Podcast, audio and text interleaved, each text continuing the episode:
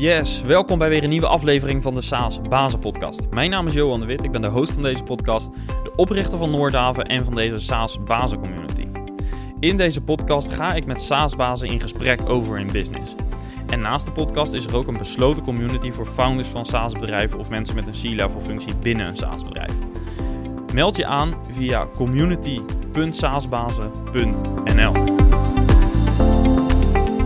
Wel weten hoeveel websitebezoekers je hebt, maar geen idee hebben wie dat zijn. Voor veel marketeers is dat de praktijk. Ze zien in Google Analytics weliswaar precies hoeveel bezoekers er op de site waren, welke pagina's ze bezocht zijn en ga zo maar door. Maar sales wil weten welke bedrijven de website hebben bezocht. En dat kan met Lead Info. Lead Info is een SaaS-oplossing waarmee je precies ziet welke bedrijven jouw website hebben bezocht, aangevuld met nuttige informatie over dat bedrijf. Ga naar leadinfo.nl/slash saasbazen voor meer informatie. Stel, je wordt benaderd om CEO te worden van een softwarebedrijf. Na diverse gesprekken kom je tot overeenstemming en uiteindelijk ga je aan de slag. Je bent net op weg om je eerste plannen uit te voeren en daar is corona. Het overkwam Daniel Ruff, CEO van Logic 4. In deze podcast hoor je zijn verhaal. Wat was zijn initiële plan voor de eerste maanden en hoe heeft hij dat moeten aanpassen tijdens de lockdown? En hoe heeft hij ervoor gezorgd dat hij toch het product, het team en de markt kon leren kennen in zo'n snelle, veranderende wereld? Laten we snel naar het gesprek gaan, maar eerst nog even dit. Speciaal voor SaaS-bazen die recent gestart zijn met hun business hebben we een roadmap gemaakt naar 10k MRR. Een concreet stappenplan om de basis van je marketing op te zetten. Wil je aan de slag met die roadmap? Stuur dan een mailtje naar roadmap.noordhaven.nl en ontvang hem gratis in je mailbox. Dan gaan we nu luisteren naar Daniel. Enjoy! Yes, Daniel, van harte welkom in de SaaS Bazen Podcast. Dankjewel, Johan. Dankjewel. Ja, uh, leuk dat we hier uh, deze virtuele podcast uh, kunnen opnemen. want dat is, we werken vandaag via Zoom. En we gaan het hebben over Logic 4, het bedrijf waar je CEO bent. En, maar voordat we het echt over het bedrijf en het product gaan hebben, is het misschien goed om jezelf even voor te stellen. dus zou je dat in een aantal zinnen kunnen doen? Ja, natuurlijk. Dus ten eerste dankjewel dat ik mee mag doen. Um, ik kijk ernaar uit een beetje over Logic 4 te vertellen. Daar ligt toch een uh, groot gedeelte van mijn passie. Um, over mezelf. Ja, ik uh, ben in de dertig, heb twee kinderen, woon in Hilversum met mijn eh, vriendin. Van origine, zoals je misschien kunt horen, ben ik niet Nederlands. Ik ben Deens-Duits. Duitse ouders in Denemarken opgegroeid en inmiddels nu 4,5 jaar hier in Nederland. De eerste vier jaar hiervan heb ik bij Afterpay gewerkt en nu dus sinds een half jaar bij Logic 4. Ja, ja uh, mooie route. Uh, wat heeft je bij uh, Logic 4 gebracht? Nou ja, um, via via ben ik in contact gekomen met, met de eigenaarspartij. Um, die op zoek waren naar een nieuwe algemene directeur. En in, in, verschillende gesprekken was daar een, een goede klik tussen mij, de partij, de oprichter van Logic 4 en later ook Logic 4 medewerkers, collega's zelf. Um, en, en ja, de, de kans om, om eigenlijk natuurlijk aan het roer te staan van een, van een jong, ambitieus bedrijf uh, waar veel potentie in zit, dat uh, heeft me absoluut aangesproken en deze uitdaging wilde ik heel graag aangaan. En Logic 4 biedt daar, ja, heeft me daar een mooie kans geboden in een, in een industrie die ik uitdagend vind, leuk vind, die snel ontwikkelt, uh, waar je heel veel mensen kunt beïnvloeden mee. En ja, product uiteindelijk dan ook. Maar daar gaan we het natuurlijk straks meer over hebben. Ja, zeker. Ja, daar gaan we het uh, uitgebreid over hebben. Um, uh, kun je iets vertellen over hoe die gesprekken uiteindelijk tot stand zijn gekomen? Um, stond je zelf echt open voor de, deze uitdaging of hoe, hoe kwam dat? Ik ben echt via via benaderd worden of ik niet een keer een gesprek zou willen hebben voor een algemeen directeurfunctie bij een softwarebedrijf. En dat was voor mij dan wel interessant genoeg om daarmee dan akkoord te gaan. En ja, dan ben ik daar zo in gekomen. sommige dingen gebeuren ook een beetje toevallig. yes, ja. Nou, ze zullen ook uh, ongetwijfeld uh, goed gescout hebben. Um, ja, mooi. Interessant om, om dat te, te weten. Um, je bent sinds begin dit jaar ben je actief bij Logic 4. Um, hoe hebben die eerste maanden er voor jou uitgezien? Want je kwam eigenlijk in een hele hectische tijd natuurlijk. met corona kwam je eigenlijk binnen. Ja, klopt. Half februari ben ik begonnen bij Logic 4. En eigenlijk precies een maand later heb ik iedereen naar huis mogen sturen. Um, dus dat was best wel even een, een start om eigenlijk een, een, kleine maand te hebben om, om, mensen te leren kennen. En daarna een team waar ik dus een maand mee samen had gewerkt, uh, op afstand via Teams te, te mogen sturen. Uh, dat heeft aanpassing in mijn stijl gevraagd, maar natuurlijk ook in, in de manier hoe het team eigenlijk met hun medewerkers uh, en collega's samenwerkt. En mijn focus lag daarin eigenlijk op communicatie. Dus hoe, hoe kan ik op afstand uh, digitaal de communicatie tussen mij en mijn team uh, goed laten verlopen zonder dat dingen tussen wal en schip vallen. Um, en dat hebben we eigenlijk daardoor gedaan dat we met het managementteam een, dagelijkse, uh, ja, stand-up is misschien te klein, projectoverleg te groot, maar iets daartussen hebben opgezet waar wij met elkaar in gesprek gingen om de verschillende dingen die gebeurd waren op die dag uh, te bespreken en, en te zeggen hoe gaan we hiermee reageren. En iedere manager heeft daarna ook dan uh, dagelijkse of twee dagelijkse gesprekken met zijn team gehad om ook daar weer een feeling te houden, zodat we snel konden communiceren tussen deze vlakken. Ja. Um, voor mij als startende directeur was het een belangrijke stap, gewoon ook om, om een gevoel te krijgen wat speelt er, welke dingen gebeuren er. En daarom was de frequentie voor mij toch ook erg belangrijk hier. Ja, want als je kijkt naar uh, je initiële plan, uh, wat je had voordat je ging starten in, in uh, februari, um, wat zijn daar de belangrijkste aanpassingen in geweest? Even los van het feit dat het team remote ging werken. Heb je ook echt dingen in een ander tempo moeten gaan doen? Of moest je echt andere beslissingen nemen aangaande de roadmap? Of wat zijn daar de verschillen in geweest? Um, ik denk dat een gedeelte van mijn focus toch meteen uh, helaas op andere dingen te liggen kwam. Dus uh, wat is de mogelijke impact van corona op de business, uh, financieel gezien, op, op het team, op de mensen, op klanten? Wat voor een impact gaat dat op ons hebben als organisatie? Wat voor een impact gaat dat op de eigenaars hebben? Um, deze energie, die moest ik natuurlijk toch hier aan besteden. En daar ging best wel tijd in zetten in het begin, omdat ik natuurlijk nog niet zoveel kennis had over het bedrijf en het. Um, die tijd had ik zeker liever eigenlijk aan, aan operationele dingen, strategische dingen, commerciële dingen gebruikt. Maar goed, het is nu een keer zo gegaan als het is gegaan. En zo heb ik toch ook het bedrijf op een andere manier snel leren kennen. Um, heb snel een kans gehad daadwerkelijk de cijfers in te duiken en verschillende scenario's uit te werken. En ook wel uh, daardoor de toekomst in te kijken op een heel andere manier. Dus wat gaat er gebeuren als het verder moeilijk uh, valt, tegenvalt uh, voor een softwarebedrijf? Ja, in het begin wist niemand hoe het ging in de e-commerce wereld. Dus toen hebben we alle scenario's uitgewerkt. En dat was heel anders dan, dan wat ik had verwacht. En ook wilde doen eigenlijk. Ja, en heb je wel de kans gekregen om ook het product goed te leren kennen? Of was dat wel iets wat je daarvoor al, uh, voordat je aangesteld werd als CEO, misschien al een beetje hebt kunnen doen? Um, Logic 4 is een heel breed pakket, een heel groot pakket. Je hebt echt duizenden functionaliteiten en mogelijkheden. Dus ik moet toegeven dat mijn kennis van het product tot nu toe nog steeds niet groot genoeg is in mijn ogen. En dat ik nog heel veel heb te leren. Um, in het begin is het daadwerkelijk zo geweest dat ik uh, door corona wel vertraagd ben in, in mijn traject om het product goed te leren kennen. En de dagen die wij eigenlijk gepland hadden om daadwerkelijk in het product in te duiken, dat die pas zelfs in april van zijn uh, gebeurd. Dus uh, twee maanden na mijn begin eigenlijk. Ja, dus eigenlijk was je in de tussentijd vooral bezig met scenario planning en misschien ook meer om het, het team operationeel te houden. en dat je daarna pas wat meer de verdieping hebt kunnen maken die aanvankelijk van plan was. Precies. En ja. je hebt ook genoeg te doen natuurlijk. De operations te leren kennen, de cultuur te leren kennen, de mensen te leren kennen. En dan nog corona erbij. Ja, daar kwam het product, uh, die kennis daarvan kwam dan helaas iets later. Ja, uh, je laat het woord zelf al vallen, cultuur. Uh, dat is natuurlijk iets wat, uh, natuurlijk gaat dat verder dan de kantoormuren, maar het is wel iets wat je ook voornamelijk ervaart als je met elkaar in een team bent. Ja. kan ik me zo voorstellen. Um, heb je het gevoel dat je nu inmiddels die cultuur voldoende hebt leren kennen om ook beslissingen te nemen op dat vlak? Ja, um, ik moet zeggen, ik denk van wel. Ik denk dat cultuur altijd in beweging is. Uh, en ik denk dat, ik tenminste een gevoel voor de, voor de hoofdlijnen van de cultuur heb gekregen in de tussentijd.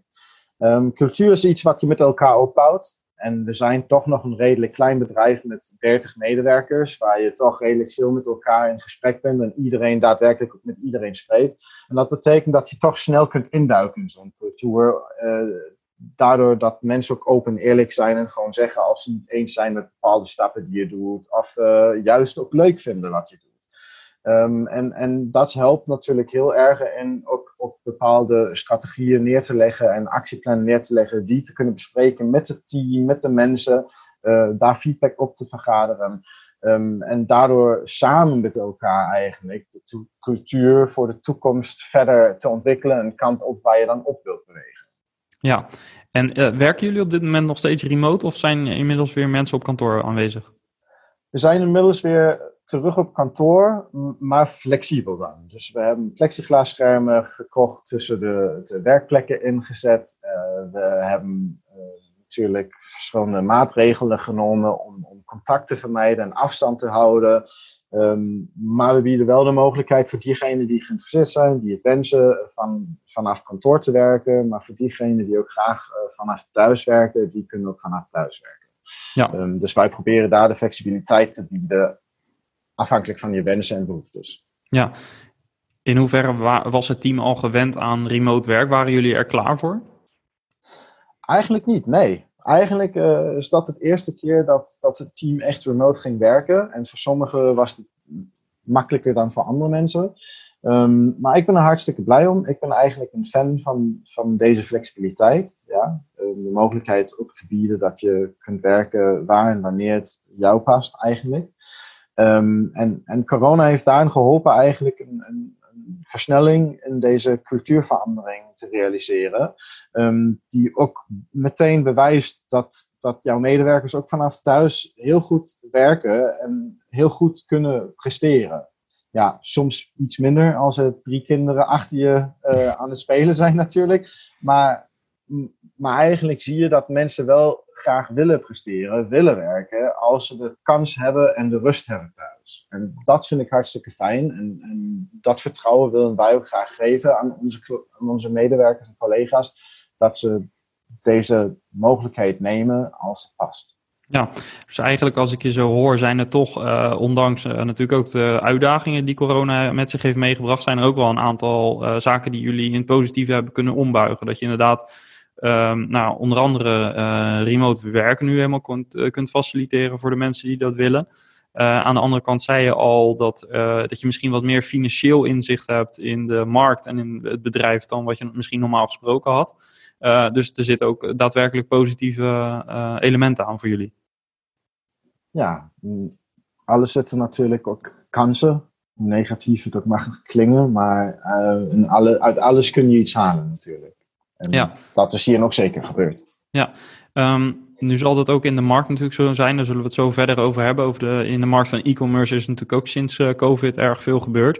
Um, maar het is misschien goed ook voor de luisteraar om eerst wat meer te weten over het product. Um, kun je kort toelichten, of kort, maar kun je schetsen uh, wat het product doet en voor wie het gebouwd is en welke problemen het oplost? Ja, zeker. Logic 4 is een alles in één webshop en ERP-systeem. Ja? Dus dat betekent dat waar je normaliter heb je een webshop ergens liggen en dan heb je een boekhoudingssysteem en dan heb je een product information systeem en een CRM-systeem en een wat weet ik allemaal voor systemen, WMS-systeem. Um, ehm, bieden wij dat eigenlijk allemaal in één pakket aan. En, en dat is juist de kracht. Iedereen die met koppeling heeft gewerkt, weet dat koppeling vaak een uitdaging zijn voor een bedrijf. Ja? Uh, soms werken ze, soms werken ze niet. Dan heb je een mismatch in data. Dan heb je een systeem wat niet gekoppeld kan worden aan een ander systeem. Dus dan heb je Excel-files die daartussen zitten om dat te vertalen. Ehm, je hoopt dan dat het ergens matcht, maar je weet ook precies dat je, hoe groter je wordt, hoe meer uitdaging heb je ermee eigenlijk de verschillende systemen goed uh, met elkaar te laten communiceren en eigenlijk in sync te laten zijn. Wij willen juist hier ook een oplossing aanbieden. Ja? Dus dat je eigenlijk met één systeem alle jouw acties, alle je operationele kernacties kunt realiseren. En dat betekent juist dus dat wij de webshop aanbieden, boekhouding aanbieden, order flow systemen aanbieden, warehouse management aanbieden, CRM aanbieden. Um, ja, alles wat er eigenlijk bij hoort om een, om een e-commerce bedrijf te runnen. Ja. Um, want Startup Group is dan ook, bestaat dan ook juist eigenlijk op, op e-commerce partijen. Um, van origine zijn we B2B gericht, maar hebben ons ook uh, een, een, richting van B2C ontwikkeld. Um, dus uh, Target Group is B2B en B2C partijen die uh, omni-channel zijn of multi-channel zijn. Dus die of via een webshop verkopen, via marketplaces, via filialen verkopen. En de laatste item, het laatste item is dat het MKB-bedrijven zijn. We zijn een partij die daadwerkelijk voor een, een iets kleinere partij is. Um, wel een professioneel partij, maar iets kleinere partij. Die juist de winst kan halen uit één systeem te hebben in plaats van veel systemen. Ja, wie is daarin jullie zogezegde enemy? Zijn dat dan uh, bijvoorbeeld de, de Magento's, uh, Shopify's? Bijvoorbeeld, dat is de front-end kant, dus dat zijn de webshops. Aan de back-end kant en aan de ERP-kant uh, zitten wij vaak met exact in concurrentie. Soms met AVA's, soms met Navision van Microsoft, SAP. Um, dat zijn de grote spelers. Er zijn natuurlijk ook heel veel kleinere niche-spelers waar wij dan ook mee ja, in contact komen. Ja, wat is de voornaamste, ja, wat is het belangrijkste probleem waar nieuwe klanten bij jullie mee aankomen? Uh, is dat inderdaad de, de koppel, zijn dat de koppelingen of zijn dat bepaalde features die jullie hebben ten opzichte van uh, nou ja, de andere pakketten? Het is inderdaad eigenlijk de koppel, het koppelingsverhaal. Dus de wens om, om meer rust, meer controle, meer flow, um, meer grip op zaken hebben. Um, en tegelijk eigenlijk geen functionaliteiten te verliezen. Ja? Dus um, wel een mooie webshop kunnen hebben, wel een werkende boekhouding hebben, wel een werkende product information systeem hebben en al deze dingen. Maar dat dan allemaal zonder chaos. Ja. Goed lopend. En, en, en hoe ziet het pricingmodel eruit? Is dat uh, echt een subscription fee of zijn er uh, bijvoorbeeld uh, implementaties nog aan verbonden? Hoe ziet dat eruit? Wij hebben een subscription, dus dat klopt, dat is de basis. Een maandelijks bedrag, uh, afhankelijk van hoe groot jij als partij bent, wat voor opties je wilt, uh, ligt dat tussen de, tussen de 900 en ja, meerdere duizend euro, afhankelijk van hoe groot je bent. Um, en er zit ook een implementatiekost aan vast. En uh, die start om bij bij uh, 10.000 euro en kan dan ook oplopen afhankelijk van hoe groot je bent en wat voor jou, wat wat voor belangen jij hebt als bedrijf. Ja, en als het gaat om de webshop-kant, uh, dus met name de, de, de e-commerce module aan de voorkant, um, hoe zit dat dan bijvoorbeeld met het maken van de designs? Is dat iets wat uh, jullie dan in, binnen die implementatie doen, of is dat meer waar agencies uh, zich dan bijvoorbeeld tegen, of waar die aan werken? Maar een agency kan wel het design natuurlijk maken, het visuele, maar het bouwen van het design, dus het realiseren van het design uh, binnen ons framework, dat is dan iets wat wij moeten realiseren en dat is onderdeel van de implementatie precies. Ja, oké. Dus uh, normaal gesproken is het zo dat een uh, e-commerce partij uh, overstapt van bijvoorbeeld naar de, de bekende, de genoemde systemen en vervolgens bij jullie een licentie afneemt voor op maandelijkse basis en een eenmalige implementatie laat doen waarin nou, de integratie of eigenlijk, de, de, eigenlijk alles in zit om daadwerkelijk live te gaan met jullie platform en geen andere applicaties meer nodig hebben. Juist. Oké. Um, wat, is, um, wat is de visie achter uh, de, de alles in één um, benadering, zeg maar, zoals je het zou kunnen benoemen? ten opzichte van uh, die integraties. Want ik spreek natuurlijk veel SaaS-bazen die, uh, ja, je ziet grofweg twee stromingen. Zeg maar de, de, de, de SaaS-bazen die heel erg geloven in juist koppelingen en heel kleine niche producten maken. En aan de andere kant inderdaad juist meer alles in één willen maken. Ehm, hoe is dit ontstaan? Is dit iets wat door de founders destijds zo bedacht is? Of is dat meer iets wat zich in de loop der jaren steeds is uitgebreid, deze applicatie? Het is iets wat in de loop van de jaren meer en meer is uitgebreid. Het is eigenlijk gestart bij de oprichter op zijn zolderkamer. Hij had een e-commerce bedrijf, heeft eh, hardware, IT-hardware verkocht via het internet in de jaren 90, dus echt een van de vroege spelers. Um, en hij wilde zoveel als mogelijk hieraan automatiseren. En is zo begonnen eigenlijk een, een backend, een ERP-systeem te programmeren. En dat heeft hij stuk voor stuk dan uitgebreid voor zichzelf. En later heeft hij gezien, oh, er zijn andere bedrijven die hier behoefte aan hebben. En is dan eigenlijk op de markt gestapt met, met zo'n systeem. Waar alles in één dan in zat. En uh, wat dan met de tijd meer en meer is uitgebreid. Um, en uh, wij hebben nu dit mooie pakket waar eigenlijk alles in mogelijk is. Um, daardoor zijn we zeker niet best of breed. Dat kun je niet zijn als je alles in één doet. Maar we zijn ja ook daarom niet uh, gefocust op de, op de grote Tinkel uh, top 100, top 200 klanten, maar juist daaronder, waar je, um, waar je misschien toch liever de effectivisering in je, in je workflows wilt hebben, uh, dan dat je een eigen IT-team nodig hebt om, om koppeling te onderhouden en voor, voor jouw flows te optimaliseren. Um, en, en juist daarin zijn we sterk en dat is juist wat we kunnen aanbieden aan, aan MKB-bedrijven. Ja, dus daar zit ook de differentiator. Ja, precies. Ja, ja. Um, waar verkopen jullie nu met name? In, in Nederland uh, zie ik jullie veel voorbij komen. Zijn er ook andere markten, andere landen waar jullie actief in zijn? Op dit moment is het alleen de Nederlandstalige wereld. Uh, dus Nederland, ja, ik mag het niet zeggen, want dat is natuurlijk fout. Maar in België zijn we ook. Dus in het uh, Vlaamse gedeelte, dat is natuurlijk niet Nederlands. Maar um, het lukt dan toch nog met de communicatie, dus uh, daarom Nederlandstalige wereld. Ja. ja, waar ligt de ambitie op dat vlak? Is er wel ambitie om internationaal te gaan uiteindelijk? Er is zeker wel ambitie. Um, echter, Nederland is uh, een grote markt. Voor ons in ieder geval. Misschien niet voor SAP, maar voor ons is het een grote markt. Er is nog heel veel te halen. En ik denk dat het belangrijk is de focus um, op de juiste punten te hebben. En op dit moment, uh, moment is dat de Nederlandse markt en onze interne processen zo op te zetten dat wij hier in Nederland heel sterk kunnen groeien en uh, ook onze bestaande klanten optimaal kunnen serviceren. Um, en als dat speelt, dan kunnen wij ook naar de buitenlandse markten kijken. Ja, maar first things first, dus hoor ik. Precies, ja. ja, helemaal goed. Um, als we het hebben over uh, jullie organisatie, je hebt al een beetje een inkijkje gegeven in uh, nou, hoe jullie uh, ja, om zijn gegaan met corona. Um, je geeft nu leiding aan een organisatie die je dus nu ja, begint te leren kennen, zeg maar. Um, wat voor type leiderschap breng je in de organisatie? Hoe stuur je de organisatie aan? Hoe zou je dat zelf omschrijven? Kom uit de Scandinavische school.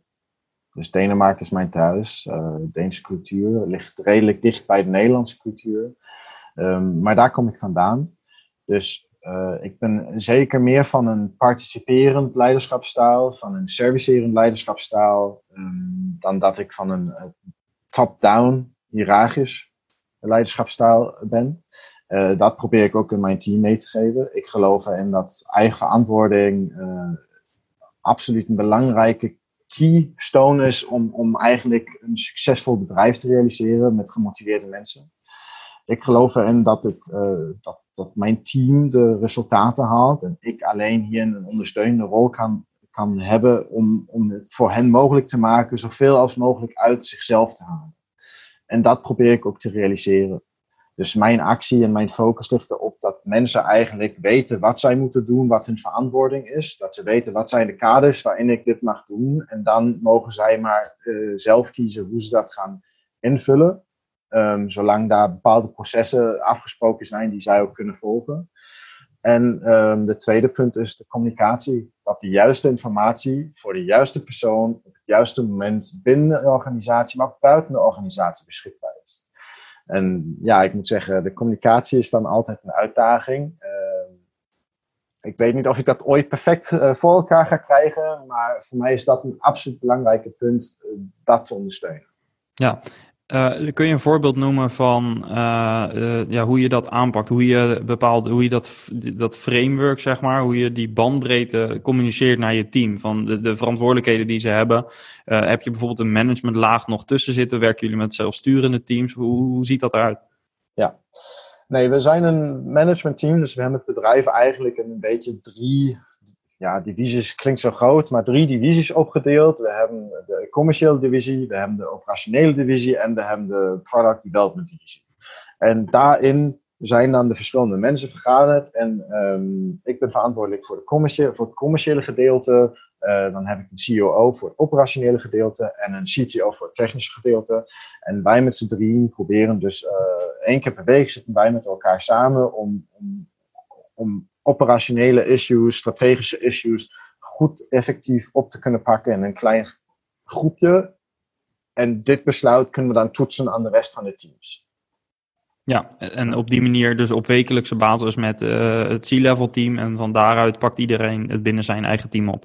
Ja, precies. Ja. Maar natuurlijk mag het team hierop uh, hun, hun aanmerking geven. Dus uh, het is alleen maar heel fijn ik geloof alleen in dat het goed is besluitvorming snel te kunnen realiseren binnen een klein groep. En dan daarop feedback te vergaderen. In plaats van dat je eerst iedereen probeert mee te nemen om dan een feedback, uh, om dan iets te realiseren. Um, klinkt misschien nu top-down, maar uh, het belangrijke is een besluit te vormen en daarop dan feedback te vergaderen en dan een kant op te gaan. Um, want zo heb je al een richting waar je zegt, hey, dit zien we als richting. En die kan altijd aangepast worden afhankelijk van feedback, van uh, testresultaten, van tijd, behoeften. Um, maar dat is voor mij de meest effectieve manier om snel besluitvorming te kunnen realiseren. Ja, dus eerst richting geven en dan ruimte laten aan het team om uh, binnen die richting, of misschien ook die richting te challengen. Ja. Um, als ze daar goede argumenten voor hebben. Ja. Juist. Um, ik zou toch graag nog even terug willen naar het begin. Um, je, eh, de organisatie uh, bestaat natuurlijk al een tijd, is een volwassen organisatie, hebt een sterke naam opgebouwd in Nederland. En je komt aan boord als CEO, als SaaS-baas noem ik dat dan.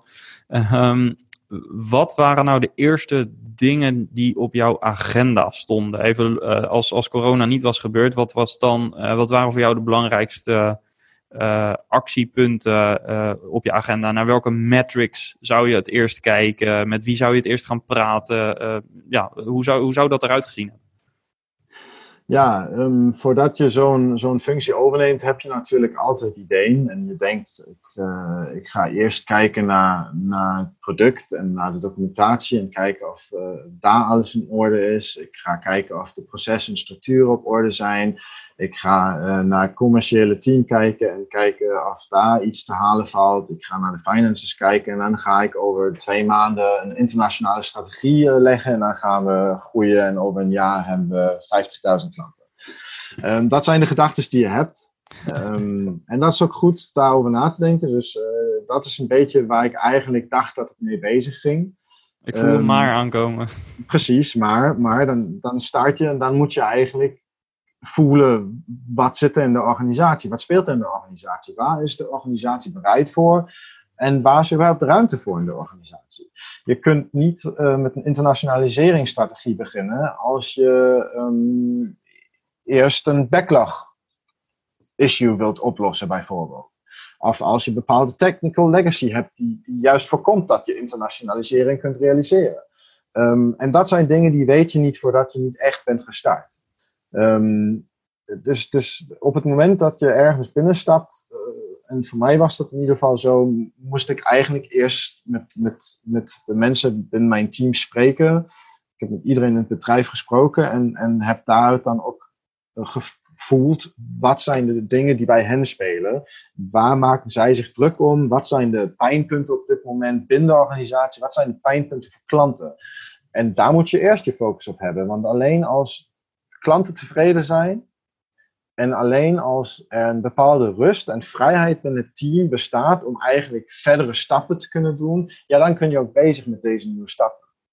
Um, en dat is dan wat ik eerst heb gedaan. Dus kijken waar zijn de brandpunten, waar zijn de pijnpunten, die oplossen. En daarna kun je dan stap voor stap meer en meer ehm, voor de toekomst gaan werken. En daar zijn we nu hartstikke bezig mee. Dus dat is echt leuk. Ja, kun je een voorbeeld noemen van zo'n punt waar je uh, op stuitte door bijvoorbeeld een uh, richting van het team of uh, van een klant waarvan je zei dat moeten we oplossen en waar je prioriteit aan hebt gegeven? Ja, nou ja, um, wij hebben een, een tool waar klanten hun ontwikkelwensen met ons kunnen delen en zelfs daarop kunnen investeren om ervoor te zorgen dat het, ja, als er urgentie achter zit, dat dat binnen een, een korte termijn gerealiseerd kan worden. Um, en daar was een backlog op die, die wij eigenlijk, die ons blokkeerde qua, qua interne roadmap en eigen ontwikkeling. Um, wij zijn natuurlijk een product-centric organization. Zonder ons product hebben we eigenlijk niks. En als je daar eigenlijk niet uh, vrij genoeg bent om, om uh, plannen voor de toekomst te maken en daar naartoe te werken, capaciteit, dan, dan uh, zit je vast in jouw ontwikkeling. Dus het belangrijke hierin was, um, hoe kunnen wij binnen een realistische timeframe ons beloftes aan de klanten realiseren, maar ook ervoor zorgen dat wij tijd vrijmaken om ons eigen doelstelling na te komen. zij het technical roadmap en, echt technical legacy oplossen, of zij het uh, ook verder de toekomst indenken, hoe willen wij dat product zich ontwikkelen. En dat was voor mij eigenlijk de eerste punt waar ik dan onverwacht een beetje tegenaan liep. Uh, en die wel belangrijk was om op te pakken, om zowel klanten als ook intern rust te geven over waar gaan wij naartoe bewegen met het product. Wat kunnen klanten verwachten qua ontwikkeling? Hoe gaan we hiermee om? Um, en ja, daar zijn we nu hard mee aan de slag. Uh, en dat willen we eind van het jaar opgelost hebben. Ja, en wat ben je in de markt uh, tegengekomen? Je, je, had natuurlijk ook interesse in de e-commerce markt, gaf je al aan. Um, uh, wat, hoe waren je verwachtingen en, en ja, wat, ook, ook met name door corona natuurlijk. Um, ja, wat is daarin, wat, wat zijn factoren geweest die je bent tegengekomen waar je op moest anticiperen in de markt? Mm, goeie vraag. Um, de grootste impact was in dit geval eigenlijk daadwerkelijk corona. Um, in het begin van corona, uh, vooral in de lockdown, was er even een moment waar niemand wist wat er ging gebeuren. Niemand wist wat voor invloed corona ging hebben op elke industrie. Gelukkig valt dat natuurlijk heel erg mee in de e-commerce wereld en heeft zelfs tot groei geleid voor veel bedrijven. Um, en wij uh, zijn ook verder doorgegroeid, gelukkig. Um, en toch in het begin was er even een moment waar dus prospects um, zenuwachtig waren om, om grote investeringen te doen. En een nieuw ERP en webshop pakket tegelijk, dus alle operational systemen te vervangen, is een grote stap natuurlijk voor een organisatie. Uh, en dat was even zo'n moment waar, waar prospects even zeiden: ja, nu net even niet, bel me maar weer terug als het alles een beetje maar weer rustiger is, want ik weet niet waar het naartoe gaat. Um, te, te, begrijpen, oké, is dit nu corona die dat doet, of is dat gewoon een, een, een, seasonal thing voor ons, uh, was voor mij een stap, eerste stap, gewoon omdat ik het niet wist. Um, en, en de tweede stap was dan, ja, maar wat kan ik dan daarna verwachten? Um, dit gevoel te krijgen was voor mij heel moeilijk. Dus zowel uit intern, wat kan ik van mijn sales team verwachten, van mijn marketingteam, maar ook extern, waar staat de markt op dit moment open voor? Wat heeft de markt nodig? Passen wij bij de markt met ons productoffering of moeten we juist daar iets aanpassen? Een nieuw product op de markt gooien met aangepaste pricing of zoiets. Um, dit zijn de gedachten waar ik eigenlijk met de markt speelde vooral. Ja, en hebben jullie ook daadwerkelijk aanpassingen moeten doorvoeren in uh, jullie marketing- en sales traject? Um, we hebben verschillende tests zijn we nu aan het uh, uitproberen. Dus het is niet als reactie op corona. Het is meer eigenlijk om te kijken, zijn er marketingstrategieën, uh, groeistrategieën die, waar, wij, waar wij een hogere return on investment uiteindelijk uit kunnen halen. Um, dit kan zijn door focus op niche niches te hebben. Dit kan zijn door een uh, andere, iets andere targetgroep aan te spreken. Um, maar dat zijn verschillende ja, commerciële tools om eigenlijk te, te, kijken, kan ik het return on investment nog verhogen op de activiteiten die wij in de markt op dit moment realiseren. Ja, maar dat had je zonder corona ook dus gedaan. Ik had het uiteindelijk zonder corona ook gedaan, ja. Ja. Uh, hoe uh, gedraagt de markt zich nu? Is het, is het, hoe zou je het omschrijven? Is het stabiel? Uh, groeit het door? wat gebeurt er met de offertes die destijds open bleven staan? Ja, op dit moment zitten we eigenlijk volgens mij in een optimistenmarkt. dus mensen zijn er weer positief in. hebben zelfs gezien dus dat corona ook tot groei kan leiden en bij veel, veel klanten heeft geleid. Um, en ja, sommige van de offertes zijn natuurlijk kwijtgeraakt in de tussentijd of hadden ook zo misschien niet voor ons gekozen. Maar sommige offertes zijn ook zeker verder doorgegaan en hebben inmiddels als klanten kunnen tekenen. Ja, ja. Dus, dus in de hele e-commerce markt is natuurlijk ook wel wat, uh, wat je allemaal ziet. We zijn allemaal natuurlijk wat meer online gaan bestellen nog. Ja, uh, en dat heeft uiteindelijk natuurlijk ook uh, ja, logischerwijs een positief effect op, op jullie. Hoe cru het misschien ook klinkt in dit geval. Ja, ja. klopt. Um, dan uh, ben ik ook altijd even benieuwd naar, uh, je, zeker als je in een nieuwe rol zit um, of, of in een nieuwe organisatie in deze rol. Um, wat doe jij om uh, op de hoogte te zijn van alle ontwikkelingen buiten het bedrijf en buiten het product? Dus om te weten van hoe moeten we als SaaS-bedrijf, wat zijn de best practices in SaaS?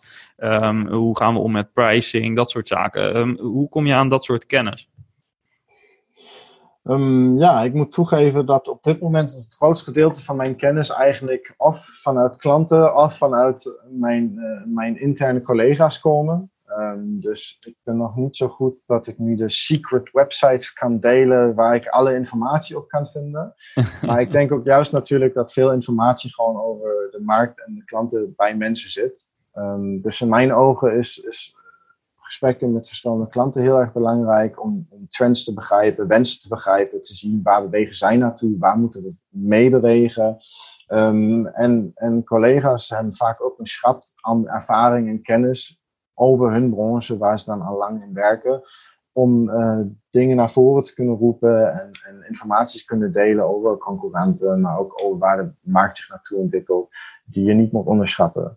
En dit zijn voor mij echt de belangrijkste sources of information eigenlijk. Uh, ja, je kunt altijd de, ja, veel podcasts luisteren, om maar zo te zeggen, en nieuwsberichten lezen. En dat is zeker belangrijk om jezelf verder te helpen. Maar ik denk met mensen in contact blijven is toch een heel belangrijke source of information. Ja, en zeker als je die mensen ook uh, aan boord hebt, uh, uiteraard. Ja. ja. Um, als we het hebben over um, uh, nog even jouw, jou, jouw leiderschap en jouw ambitie binnen de organisatie. Je bent dan nu ja, ruim een halfjaartje onderweg, even snel gerekend. Ja. Um, wat zijn nu voor de komende, laten we even zeggen, komende zes maanden je belangrijkste ja, doelen en prioriteiten? Ja, um, de komende zes maanden gaat onze focus erop liggen verder aan het bestaande product te werken en bepaalde uh, features daarin af te maken, ronden te maken, onderdelen van deze, deze features uit te breiden en te verfijnen. Uh, dat is qua productstrategie waar we naartoe bewegen. Um, commercieel is het voor ons belangrijk dat wij juist de toetsen die wij dus op dit moment uitvoeren, um, dat we daar resultaten van analyseren en eigenlijk uitzoeken, oké, hoe willen wij volgend jaar uh, commercieel gaan groeien? Waar kunnen we het hoogste return on investment realiseren qua sales? En daar dan ook volledig ingaan, dat we eigenlijk een, bepaalde playbook realiseren die wij kunnen halen uh, op verschillende tijdstippen, punten, target groups, uh, hoe dan ook. Um, en hetzelfde dan intern in de organisatie, dat wij verder ervoor zorgen dat wij uh, meer en meer streamlined uh, kunnen werken en daardoor ook een, een, een toenemende groei uh, kunnen ondersteunen. Ja, en dus ook meer repeatable en meer productiviteit om, dat, om daaraan te werken.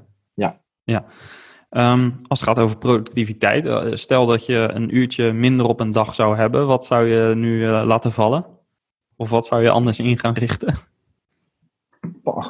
Dat is een heel moeilijke vraag, vind ik.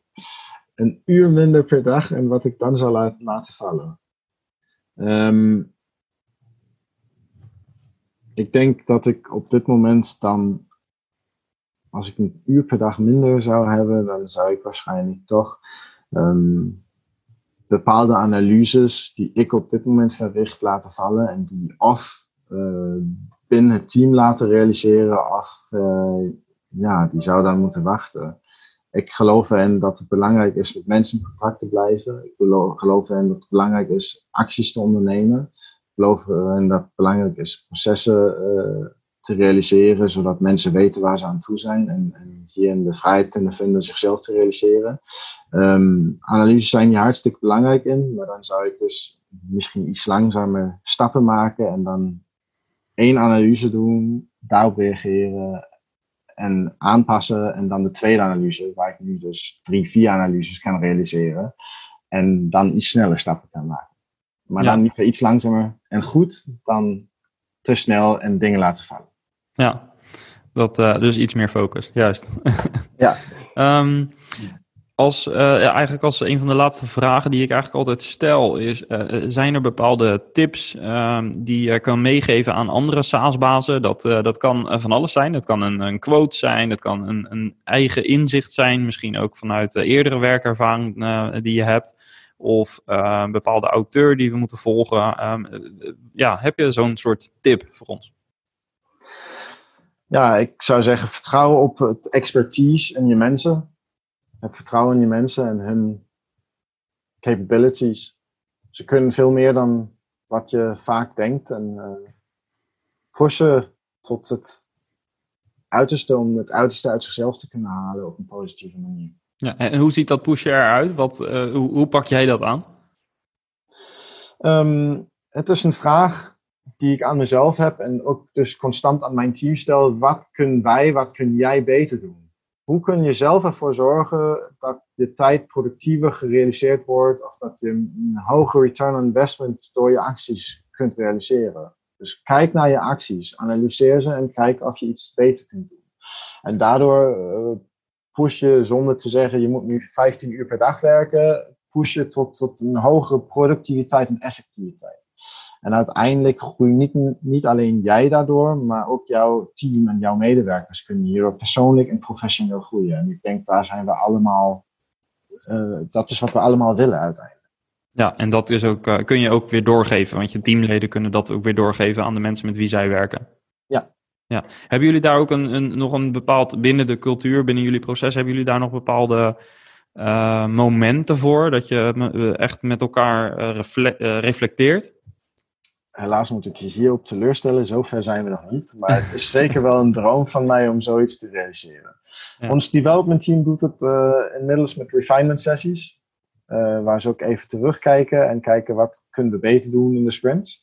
Maar in de rest van de organisatie is dat nog iets wat te formaliseren valt. Ja, uh, er moet altijd iets te, te leren en te wensen blijven. Er is altijd een volgende stap. Er is altijd iets wat beter kan. Yes. Helemaal eens. Goed, um, ja, dan wil ik je ontzettend bedanken voor uh, wat je vandaag hebt gedeeld. Um, over de organisatie ook interessant om te horen. Een uh, SaaS-baas die in zo'n turbulente tijd uh, een nieuwe organisatie inkomt. En ja, ik kan me voorstellen dat het een bijzonder hectisch half jaar is geweest. En ja, dat dat ook uh, het nodige van je gevraagd heeft. Maar zo te horen heb je ook een hoop uh, uh, ja, positief weten om te buigen. En ja, wat dat betreft denk ik ook inspirerend voor andere SaaS-bazen die nou, misschien niet, die, die misschien al veel langer in die rol zitten, maar misschien ook eens met deze frisse blik naar hun eigen organisatie kunnen kijken en ook weer de kansen kunnen zien in een tijd die nou, misschien toch best wel uitdagend is geweest. Ja. Zeker. Dankjewel. Yes. Dankjewel. Yes, en tot zover dus mijn gesprek met Daniel. Ervaar je het doen van salarisadministratie als gedoe en vind je het net als veel andere ondernemers tijdrovend om je boekhouder te moeten mailen over nieuwe werknemers, contractverlengingen en salariswijzigingen? Ontdek dan hoe je je salarisverwerking op een andere manier kunt doen, namelijk met een moderne SaaS-oplossing van Employers. Daarmee heb je zelf controle over dat proces. En zo aan het eind van het jaar is het perfecte moment om over te stappen. Ga naar saasbazen.employees.nl om je account aan te maken. Bovendien kun je het drie maanden helemaal gratis proberen als luisteraar van de SaaS Bazen podcast. Ga dus naar eerstgenoemde URL saasbazen.employees.nl. En ben je zelf een SaaS-baas en wil je ook in contact komen met andere SaaS-bazen om te sparren over jouw business? Meld je dan aan voor de besloten community via community.saasbazen.nl. Of ben je net gestart met je SaaS-business en wil je onze roadmap naar 10k MRR ontvangen? Stuur een mailtje naar roadmap.noordhaven.nl. Was deze aflevering interessant voor je? Heeft het je op nieuwe inzichten gebracht? Laat dan een review achter en vertel wat je ervan vond. Als je hem wilt delen met een SaaS-baas uit je netwerk, zijn we daar natuurlijk helemaal blij mee. Bedankt dus voor nu weer voor het luisteren en graag tot volgende week. Ciao!